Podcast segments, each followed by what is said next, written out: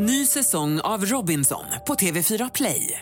Hetta, storm, hunger. Det har hela tiden varit en kamp. Nu är det blod och tårar. Fan händer just nu. Det. är Detta är inte okej. Robinson 2024, nu fucking kör vi! Streama söndag på TV4 Play. Podplay, en del av. Live från Studio 1, du lyssnar på The Daily Messiah, ditt nyhetsflöde med mig, Messiah Hallberg. Klara Doktorow. John Wilander Lambrell.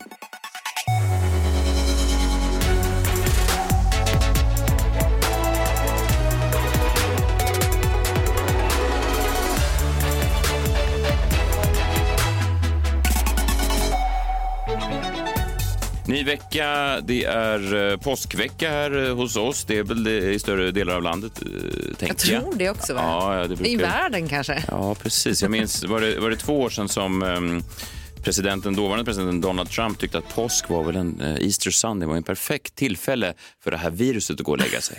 Just Alltså det, att coronan skulle vara Det över är då. ju en sån trevlig högtid, påsken. va? Det är så otroligt trevligt. Man träffas i de här kyrkorna, du vet kyrkorna. Klart. Och så otroligt trevligt om vi alla kunde bara... Så jag tror just eh, påsksöndagen blir kanon. Jag vet inte vad man pratar till. Det var som att han trodde Nej, att viruset hade liksom öron och ögon öppna för hans åsikter. Men det visade sig sen att det gick inte att säga åt virus på det sättet. Nej, det gör ju tyvärr inte Nej, det. inte Men jag alls. delar ju hans kärlek för påsken verkligen. Det är min bästa högtid. är det? Ja, men man gillade, jag gillade färgglada liksom. Vad gult. Vadå gult? Ja, det är bara en färg. Påsken är väl gul? Den är inte Nej. färgglad, den är gul. Alla gul. färger och, Och lite vit. pasteller. Nej, alla färger, det är gul. Ja, man f- man färgar äggen i olika färger och målar dem. Och liksom, det Vad firar är ni för sjuk påsk? påskpynt. Va? Nej, man kan ha lila... Godis och Man, färgglatt. man kan ha lila fjädrar och sånt där. det Ja, kan man faktiskt ha. precis. Eh, Det här är ju väldigt kul tycker eh, folket. Eh, Jag tror att Johan Glans sånt här påskklipp, Mm. vi kan be vår redigerare lägga in det här, hur, hur kul det är. Men Tänk, tänk att ni är en sån här kristen eh, talesperson och så kallar man till sig någon PR-byrå och så säger man Hej! Jo, eh, så här är det va, att eh, vi har en kristen eh, högtid som handlar om att vår frälsare blev uppspikad på ett kors. Och han dog under fruktansvärda plågor. Men sen så återuppstod han igen. Och, alltså, vi vill så gärna hålla det här minnet levande. Har ni några tankar om hur vi kan göra det? Och han är bara så, ja. Kycklingar! Ni hör vad folk skrattar. Och det här har jag i min nya show, har jag, en, eh, jag gör en um, parafrasering på det här. Alltså jag, gör, jag återskapar mig själv. Jag ikläder mig rollen som Johan Glans och drar de här skämten. Fast jag är då irriterad på att det, jag tycker att det är så basalt och simpelt. Men svenskarna älskar ju det här. Vadå, så du snor andres skämt och drar dem? Och så, Ja, fast jag gör om dem lite så att de blir sämre. Men, men, men, men jag gör det med skånska och allting. Det, jag tycker bara det, det, det säger någonting om svenskarna. Att höjd, jag älskar Johan Glans, han är ju uppenbarligen roligast i Sverige. Alltså långt mycket roligare än vad jag är. Sen kan man ju hävda vem som är bättre och så vidare. Men just att, att eh, det är eh, kul det här tycker folk. att Vad är grejen med ägg? Vad är grejen med gult? Vad är grejen med hönor? Allt det där. Det gillar de, svenskarna. Det gillar de, svenskarna. Ja, men vad är grejen med det? Jesus med ägg? Va? Eh, va? Ska... Mm, jag hör. Sånt gillar de. Ja, ja, jag bara säger att det är en högtid för, för eh, alla. Det blir lite speciell påskvecka. Vi kommer inga avsnitt på, på skärtorsdagen. Det kommer inga ett avsnitt på, på långfredag för då ska jag tydligen sitta på ett kors. Eh, och sen inte heller då över helgen. Så att vi, det kommer bara eh, avsnitt idag och sen kommer ett avsnitt, eh, ja, imorgon eh, sänder vi live då. Då eh, tror jag att Amanda Winberg, artisten, Ja. är här i ett specialavsnitt. Då får vi ställa frågorna till henne. Amanda, vad har du för förhållande till färgen gult? Vad gillar du, hur gillar du Det påsken? blir den stora färgdebatten. men, Men men, men, vänta nu, du kan inte bara gå förbi. Vad, vadå att du ska sitta på ett kors på fredag? Du är ju inte Jesus. Nej, jag vet, men eh, jag har varit på en sån där sexbutik. I Gävle? Äh, fy fan! Jävla sjukt. Påsk hos familjen Hallberg.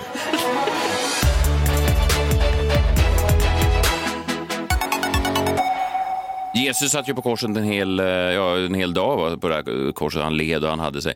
Ja, där har namnet långfredagen. Hur långtråkigt kan man ha undrar barnen, säger man. Tänk på Jesus. Och jag vet att du har ju inte låtit den här veckan heller hindra dig från att eh, ta till strids. Alltså, du står ju upp för någonting. Man kan säga att du, du är uppsatt på ett, eh, ja, ett eh, imaginärt kors. Eller? Det är väl, det är väl jag snarare att hon ska ett sätta upp någon på ett kors. Ja, men hon lider för våra synders skull. Ja. Fast är det inte att Klara korsfäster någon annan? Ja, lite så. Jag tänker också sten, att är, alltså- mer om, jag har alltid velat vara en tempelriddare. Det hade ju varit häftigt. Minus att man kanske mördade alla som kommer i ens väg. Du är Men Judas kan man säga. var det under ju. Judas nu? Judas? Ja, jag vet inte om någon av de här liknelserna kanske stämmer. Det jag försökte komma fram till var att du har skrivit ett öppet brev. Ja, det har jag gjort. Ja. Ja, nej, men det är nämligen så att jag håller på nu att försöka fasa ut amningen för att jag har drabbats av lite komplikationer och så som har gjort att amningen inte är så soft eh, och eh, funkar inte så bra i mitt liv helt enkelt. Och det funkar inte när vi delar på föräldraledigheten från start så som vi gör. Så det har liksom fått mig att gå över till ersättning och därför så är det faktiskt läge med ett öppet brev till Livsmedelsverket, Folkhälsomyndigheten och WHO. Åh, herregud. Här Hoppas kommer de, eh, hoppas de lyssnar. Men det ska de göra, de jävlarna. Okej. Sedan många år så har amning rekommenderats av er organisationer och vi vet att amning är livsviktigt i länder med begränsad tillgång till rent vatten. Men på individnivå i utvecklade länder är skillnaden mellan barn som ammas och icke ammas försumbar. På 1177 står det att amning är bäst och att bröstmjölken är anpassad och skräddarsydd för just mitt barn. Men vad betyder det ens? Menar de att vi kan åka till Mars men vi kan inte ta reda på vad som finns i bröstmjölk och återskapa det? Jag undrar om samma sak gäller för till exempel min fittsås. Är den skräddarsydd för min man? Nej, fast... Vadå? Jag tror inte att det är det medicinska begreppet. Men Går det så på WHO? Ja, men jag är rätt säker på att han har sörplat en hel del såser under sitt liv och jag tror inte att min sås på något sätt skulle vara bättre än någon annans för just honom. Och vill han köpa vetenskapligt labbframställd fittsås på burk så tror jag att han klarar sig rätt bra på det också. Varför Men ser han, ni så nej, nej, jag menar bara att han... Ja, det, begreppet är ju ganska sådär... Man hajar, man hajar till och sen, så, sen tror jag inte att din man Kjell då intar just den eh, såsen för sin egen närings skull. Det låter som att han går och skåpsuper. Ja, jag, jag menar, alltså, vad, är, vad är det konstiga? Det är bara så märkligt att säga att bröstmjölken då är anpassad och skräddarsydd för mitt barn. Ja. Ja, vadå? Det är ju en Nej, jag jag förstår. kroppsvätska precis som Jag alla förstår. andra. Det är en liknelse där med- Okej, ta den här då. Tänk om onkologen skulle ha en skylt i entrén där det står vi stödjer Bibelns rekommendationer om att förebygga är det bästa sättet att bota cancer. Men vill du testa strålning och cellgifter så finns det här. Alltså det kanske är en Nej, det haltande ju, jämförelse. nej, men det är låter ju konstigt. Så Det, det, så skulle man gillar- inte vilja bli bemött hos onkologen. Nej. Du tycker att jag ska använda den liknelsen istället för fittsåsen när jag skickar brevet sen eller?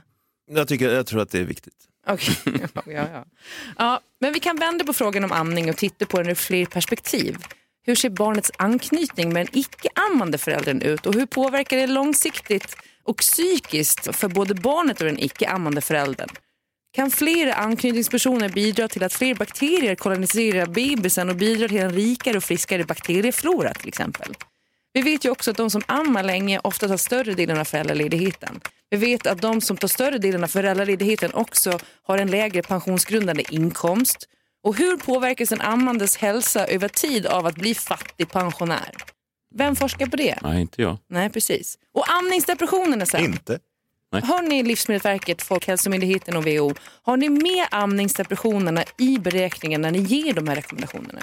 Vad är amningsdepression? Att man, man, man blir nedstämd när man inte kan du, genomföra? blir, du blir deppig av att amma Jaha. och mår psykiskt dåligt när du ammar. Bara Men det finns en, eh, en amningsnorm som gör att man kanske inte slutar fastän man mår riktigt dåligt av det till exempel. Men har det att göra med att man eh, känner sig eh, en viss press, att man ska producera en viss mängd mjölk? Ja. Att man, det, är det därav depressionen kommer? Eller Men så det att kan ja. finnas jättemånga. Mm. anledningar. Det finns lika många anledningar som det finns amningsdepressioner tror jag. Okej. Men i alla fall, jag respekterar alla som vill amma sina barn hur länge de vill. Kör på. Jag tycker själv att det är lite mysigt. Men min verklighet styrde inte helamning i sex månader. Så varför straffas jag? Hur tror ni att det känns för mig när till och med Semper skriver bröstmjölk är den bästa näringen för ditt barn. Både på hemsidan och på varenda jävla burk. Förstår ni hur min psykiska hälsa påverkas av det? Hur det får mig att må? Jag vill ju bara veta vilken ersättning jag ska välja nu eftersom det är lite olika sammansättningar då för olika behov. Och jag vill inte bli påmind om några jävla rekommendationer när jag inte längre kan amma. Jag vill bara veta om ersättningen innehåller det eller det och om den är hydrolyserad och snäll mot min bebis mage och så vidare. Så hörni, rekommendera gärna amning men ni kan väl sluta beröva oss som inte kan amma både kunskap om alternativen och känslan av att vara en bra förälder. Det är fan skandal att företag som Semper och Nestlé måste skriva på burkarna att amning är den bästa näringen för ditt barn. Vad fan är det som pågår? Och sen tänkte jag avsluta dem med att skriva med fittsåsiga hälsningar. Klara Doktorov, men ni verkar ha problem med ordet fittsås så jag tänker att jag kanske inte ska... Jag, jag är bara rädd, Klara, jag är verkligen ingen expert, men jag är rädd att just det ordet eh, tar bort fokus från det som du ville säga med brevet. Jag, jag tror att om jag skulle, jag, försöka, du- jag försöker bara visualisera mig själv nu att jag står i min hall och jag tar upp ett brev, och kanske från Försäkringskassan, och så säger de, så börjar de, hej Messiah Hallberg, och sen kommer Fittsås in redan med eh, rad två, då så tänker jag att nej, jag kommer inte ta del, det kommer att distrahera mig från det som står i resten av brevet jag. Från, eh, från ditt avslag på ekonomisk biståndsansökan. Ja. Men jag förstår fortfarande inte vad är alternativet. Att, vad ska jag, om jag inte kan skriva ordet fittsås, vad ska jag använda om... Kärlekssaft. Nej, fy fan vad... Nej. Det skulle jag aldrig ta i min mun. Okej, men så då får jag inte säga med fittsåsiga hälsningar. Så då säger jag bara med eh, inte så vänlig hälsning, Klara Doktorov. Mycket bättre. Okej.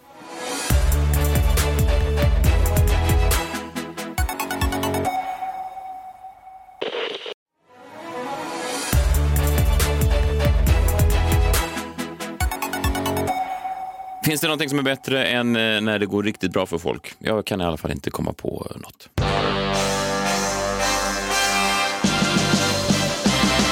Messiahs minut.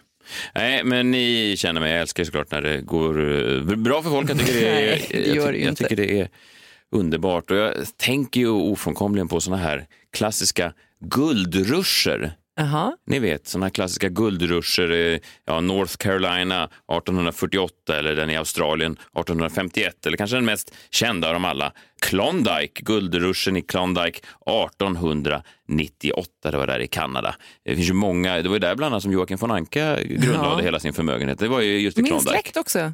Inte Klondike, men i, alltså guldruschen. Är du från von Anka-släkten? Eller är du från konkurrerande Flinthjärta? Nej. Eller Sork. Nej, nej, nej. nej. Sork i Bamse. Familjen Jakobsson på Gotland. Är de guldrushpengar? Ja, ja, ja, min farfader han var och hittade guld i USA. Varför är familjen Jakobsson på Gotland rika och inte jag? De har varit i USA. Det är Klaras släkt. Grävt guld för fan. fan höll min släkt på med? Ja, det vet jag inte, men, nej, men man ångrar ju det nu att man inte begav sig till, till Klondike. Ja, men också, man klandrar ju också sina gammelsläktingar som inte gjorde någonting. Alltså, som bara satt och, jag vet inte, vad gjorde de? Poddade? Ja, men i alla fall då guldruschen i Klondike 1898. Mest kända eh, guldruschen, eh, historien bakom det, den var då att i augusti 1896 vandrade tre män ledda av urinvånaren Skookum Jim Mason norrut, nerför Yukonfloden från området kring staden Carcross för att leta efter hans syster Kate och hennes make George Carmack. Sen hittade gruppen George och Kate som stod och fiskade lax i Klondikefloden och då stötte de på Nova Scotia-bon Robert Henderson som hade varit och letat guld i Indian River. Henderson berättade då för George Carmack om var han grävde efter guld. Sen då, den 16 augusti 1896, hittade då Skookums följe rika guldfyndigheter i Bonanza Creek i Yukon, där då de hade fått tips om. Alltså han sa att där finns det guld och då stack de dit och började gräva och hittade då guldfyndigheter där.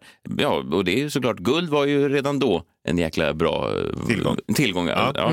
Det är inte känt då vem som gjorde den ursprungliga upptäckten, men den officiella guldtäckaren var då George Cormack eftersom marken registrerades inmutades på honom.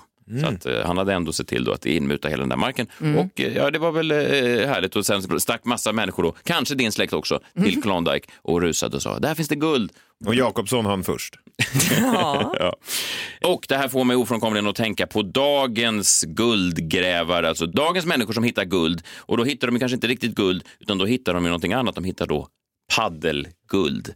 Det är alltså de jävlar som gick in i paddeltrenden när det fortfarande bara var en trend Ja. innan det exploderade. De jävlarna, och det är ofta sådana svenska mediepersonligheter som, som så att säga eh, plockade upp den här spanska, från början mexikanska sporten när den bara var ett litet frö, en liten spermie i Jonas Björkmans pung. Då hade han, det är en liknelse, eh, då gick de in och köpte hallar. Martin Björk också och så vidare. Många sådana här. Det var till och med tror jag Alla mot alla frågeprogrammet. Jag tror att du berättade för mig det John, att det var så att eh, de hade en fråga fråga till och med någon gång sån här, vem av de här jävlarna äger inte en paddelhall? Ja, just det, det var en kategori. Driver den jäveln ett paddelcenter? Ja, just det. Just det.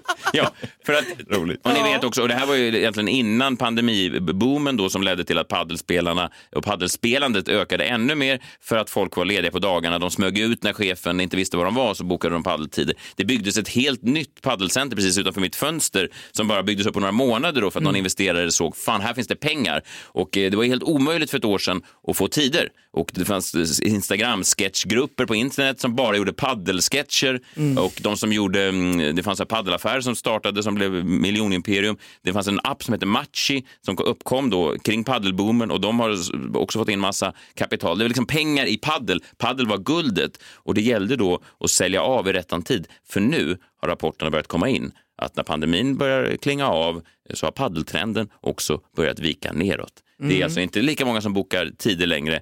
Det är konkurser nu på paddelcentren och då måste man ju vända sig till de här jävlarna som ändå har lyckats sälja av grejer. Och då läste jag i Breakit här, Måns Zelmerlöw och Jonas Björkman kommer sälja sitt paddelimperium. Det pågår dialog.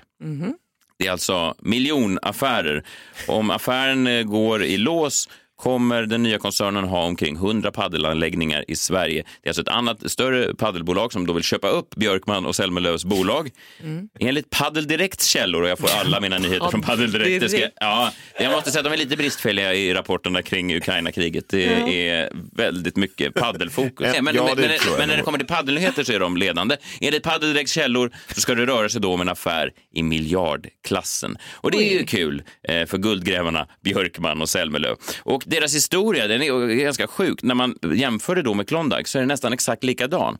Det här är då historien om hur Selmelöv och Björkman startade sina hallar. I augusti 2015 vandrade tre män ledda av sångaren Måns Zelmerlöw norrut i Frihamnen i området kring Stockholm för att leta efter hans syster Marie och hennes make Cedric Zelmerlöw. Sedan gruppen hittat Marie och Cedric som fiskade lax i Frihamnsinloppet stötte de på Alvestabon Jonas Björkman som också var ute och letade efter affärsmöjligheter. Björkman berättade då för Selmelöv om var han letade och den 16 augusti 2015 hittade Selmelöv en guldkälla i Frihamnen, en gammal lagerlokal. Det är inte känt vem som gjorde den ursprungliga upptäckten men den officiella guldtäckaren var Måns Zelmerlöw eftersom marken och lagerlokalen registrerades på honom. Det är väldigt slående likt. Det är Oj. väldigt slående likt. Det är som att Padel Direkt har tagit information, alltså det är som, de jämför direkt med en guldrush. Det är helt otroligt alltså. Lite drygt över hundra år efter att de begav sig, alla de här kända människorna, urinvånarna, Jakobsson-släkten, rusade till Yukon i Kanada. Så gick bara tre män längs fältet i Frihamnen i Stockholm och hittade en lagerlokal och nu så täljer de smör. Men nu är det för sent. Floden har sinat. Det finns liksom ingenting kvar i det här paddelgrejen. Men Selmelöv och Björkman, de hann sälja av sitt guldimperium precis innan guldet blev till sand. Han kom med mig när jag drog bort den våren Som en hund följde han mig tätt i spåren Jag var glad åt hans sällskap när jag sökte guldets land Men Kristina, guldet blev till sand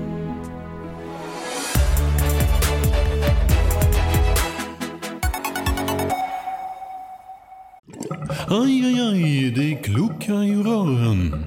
Men det är väl inget att bry sig om? Jo, då är det dags för de gröna bilarna. Spolarna behöver göra sitt jobb. Spolarna är lösningen. Ah, hör du? Nej, just det. Det har slutat.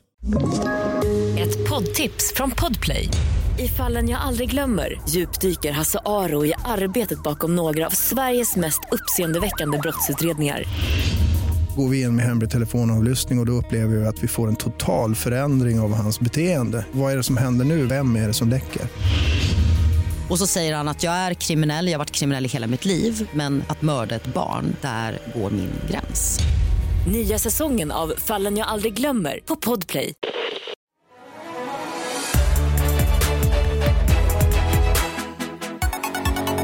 John, jag förstår att du, ja, men du kan väl också bli lite provocerad och sånt där när det går bra för folk, va? Eh, ja. Kom närmre, kom närmre, var inte rädda. Allt kan hända, allt är möjligt när vi spelar på vår jombola. När vi spelar på vår jombola Guldet blev till sand Guldet blev till sand Guldet blev, guldet blev Guldet blev till sand. Folk säger att jag inte kan sjunga, men det stämmer inte. jo, det stämmer. stämmer inte. Det stämmer. Guldet blev till sand. John Wilander Lambrell, kul att du har din jombola med dig även idag. Du drar en lapp varje dag och så står det ett ämne och så ska du snabbt berätta vad som står. Vad står det på din lapp idag? Det får vi se. Mm. Ska se där. Mhm, Sponsorer i poddar. Åh, vad kul. Känner ni till det begreppet? Verkligen inte. Jag önskar att jag gjorde det med. jag har faktiskt ingen, ingen relation alls till det. Nej, det är ju, eh, man skulle ju kunna tänka sig att vi eh, borde haft det, men det har vi inte. Nej. nej. Men ni vet ju hur det kan låta. Har ni lyssnat på poddar som har sponsorer? Varje gång så tänker jag guldet gång. Ofrånkomligt. Ja, men ni vet hur det brukar låta. Alltså, poddmänniskorna går liksom i god för att en produkt är bra eh, och så, om man har fått betalt för det, kan man väl säga att det går ut på. Ja, och man utgår väl ifrån att poddskaparna själva alltid använder produkten innan de... eh, Alltså, det är väl inte bara så att de får pengar, Nej, det är hoppas klart jag. man gör. Utan, Man testar den och gillar den och så pratar man om den. Ja, men jag, tror, jag tror inte heller att det är att man testar den efter att sponsorerna har hört av sig, utan eh, många hävdar i alla fall att man har använt den här produkten länge. Alltså Ja. redan innan det blev aktuellt med ett sponsorskap. Jag minns att jag och Jakob Ökvist när vi hade podcasten Freakshow, vi, gjorde ju, vi blev så himla glada när vi blev kontaktade dels av ett ryskt um, Vadå? Nej, något ryskt ränteföretag.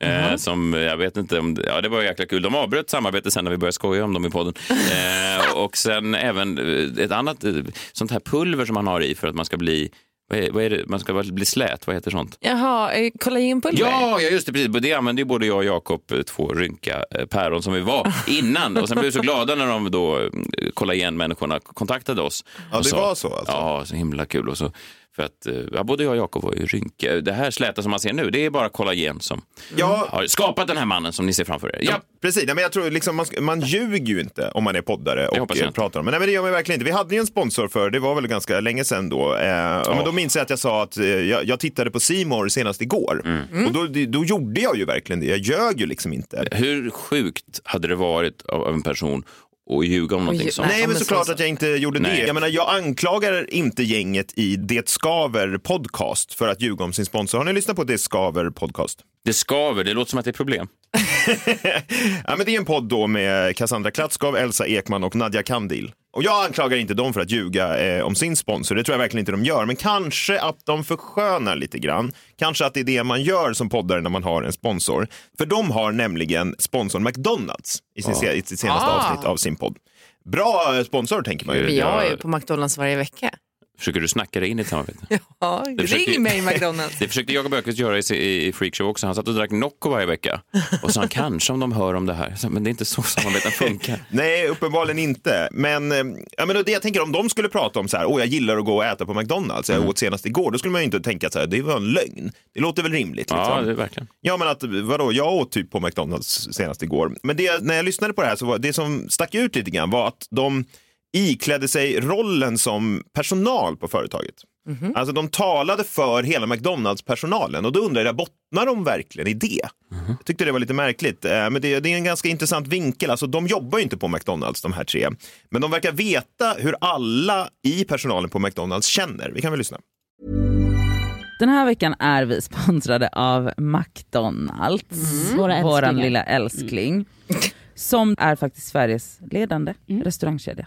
Och inte glömma, en väldigt viktig ungdomsarbetsgivare. Ja, jag tror alltså allmänhetens uppfattning om McDonalds som arbetsgivare är nog att det är liksom kaos och stress och Ja. att man mår piss typ, Ja. och att det är jättedåliga villkor och hit och dit. Men det som folk kanske upplever som att det är så här, åh vilken stressig miljö är faktiskt det som McDonalds medarbetare faktiskt gillar. De gillar liksom det här att det är fartfyllt, man jobbar som ett team tillsammans. Alltså det kan man ju verkligen relatera Mm. till. Verkligen. Så låt inte dina fördomar göra att du missar möjligheten till ett första jobb och början på din karriär. Otroligt. Alltså- Ja, för det, det där, ja. Alltså är de helt säkra på att de talar för all McDonalds-personal när de säger det här? Alltså jag hade ju ett syskonbarn som jobbade på McDonalds och det var ju inte kul. Men det beror ju lite på vilket man jobbar på kanske. Alltså, Nej, för de verkar ju säga att eh, hela personalen tycker Ja, att de här, det är fördomar det här med att det skulle vara stressigt och dåliga villkor och en dålig arbetsplats. Ja, men de säger väl också dessutom att, att eh, ja, det kan vara lite stressigt ibland, men det eh, uppskattar de på McDonalds. Och det är ju att tala för alla får man säga. Det är inte säkert. Jag, jag, personligen till exempel, jag är inte så bra på stress, hantera stress. Jag skulle kanske tycka att det var jobbigt. Men vad- jag har aldrig jobbat på McDonalds, så jag vet ju inte. Nej, och jag menar, jag har inte heller gjort det, men jag har ju en nära relation. Alltså, jag har ju själv träffat flera personer som känner någon som har jobbat på McDonalds, så jag menar, man har ju hört. Men är det här verkligen fördomar? För jag, har en lite, jag kom på att jag hade en gammal ljudupptagning från en McDonalds en dag när jag skulle beställa mat efter att ha varit ute på krogen. Och jag tänker, är det här verkligen det som all McDonalds-personal uppskattar med jobbet?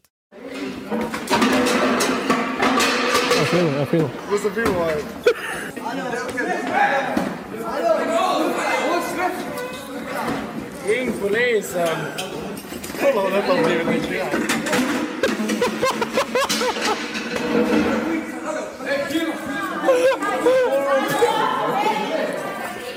Bara ett litet ljudklipp från en arbetsplats som personalen älskar. Jag jobbade på en sån, eh, inte McDonalds, eh, inte en Sibylla heller, det var en Sibylla-kopia. Alltså in- inte en riktig Sibylla utan en, en, En thai-kopia? Liksom. en thai-kopia. Subulu. Men eh, nej, fan, det var tufft alltså. Men Ingen personalen kul. kanske uppskattar att det var en kopia. Den var, så, den var så liten så att man stod på riktigt i frityroljan. Och man, sa, man satt i frityrolja. man satt, alltså när man skulle ta betalt i kassan Så så blir man friterad.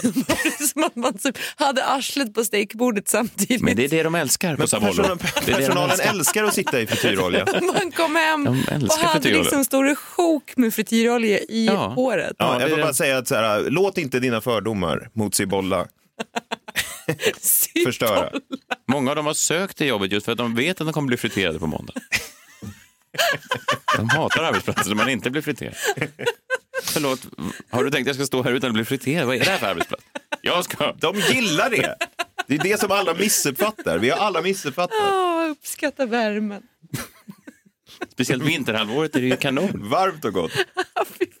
Och knaprigt.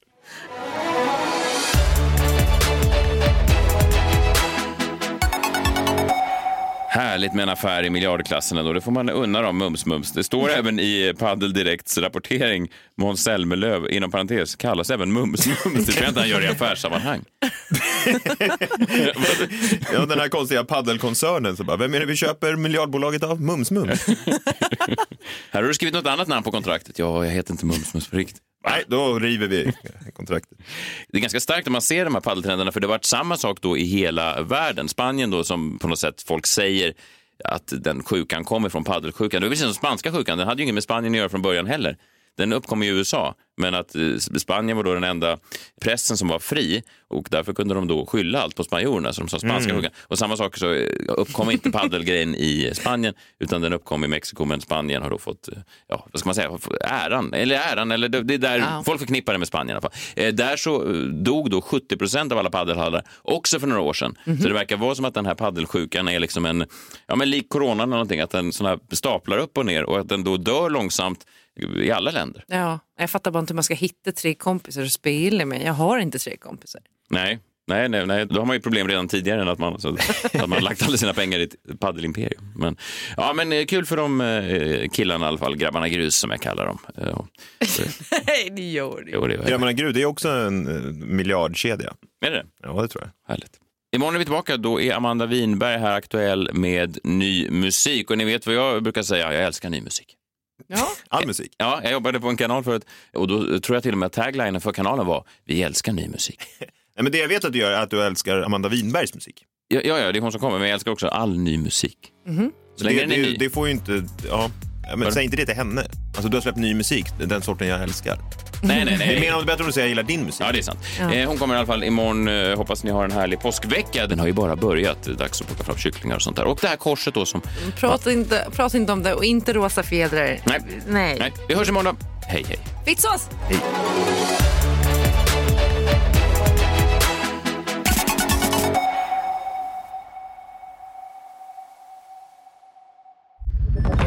Podplay, en del av Power Media.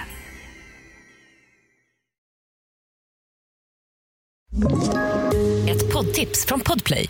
I podden Något Kaiko garanterar östgötarna Brutti och jag, Davva, dig en stor dos skratt. Där följer jag pladask för köttätandet igen. Man är lite som en jävla vampyr. Man har fått lite blodsmak och då måste man ha mer. Udda spaningar, fängslande anekdoter och en och annan arg rant. Jag måste ha mitt kaffe på morgonen för annars är jag ingen trevlig människa. Då är du ingen trevlig människa, punkt. Något Kaiko, hör du på Podplay. Därför arkadeinerna.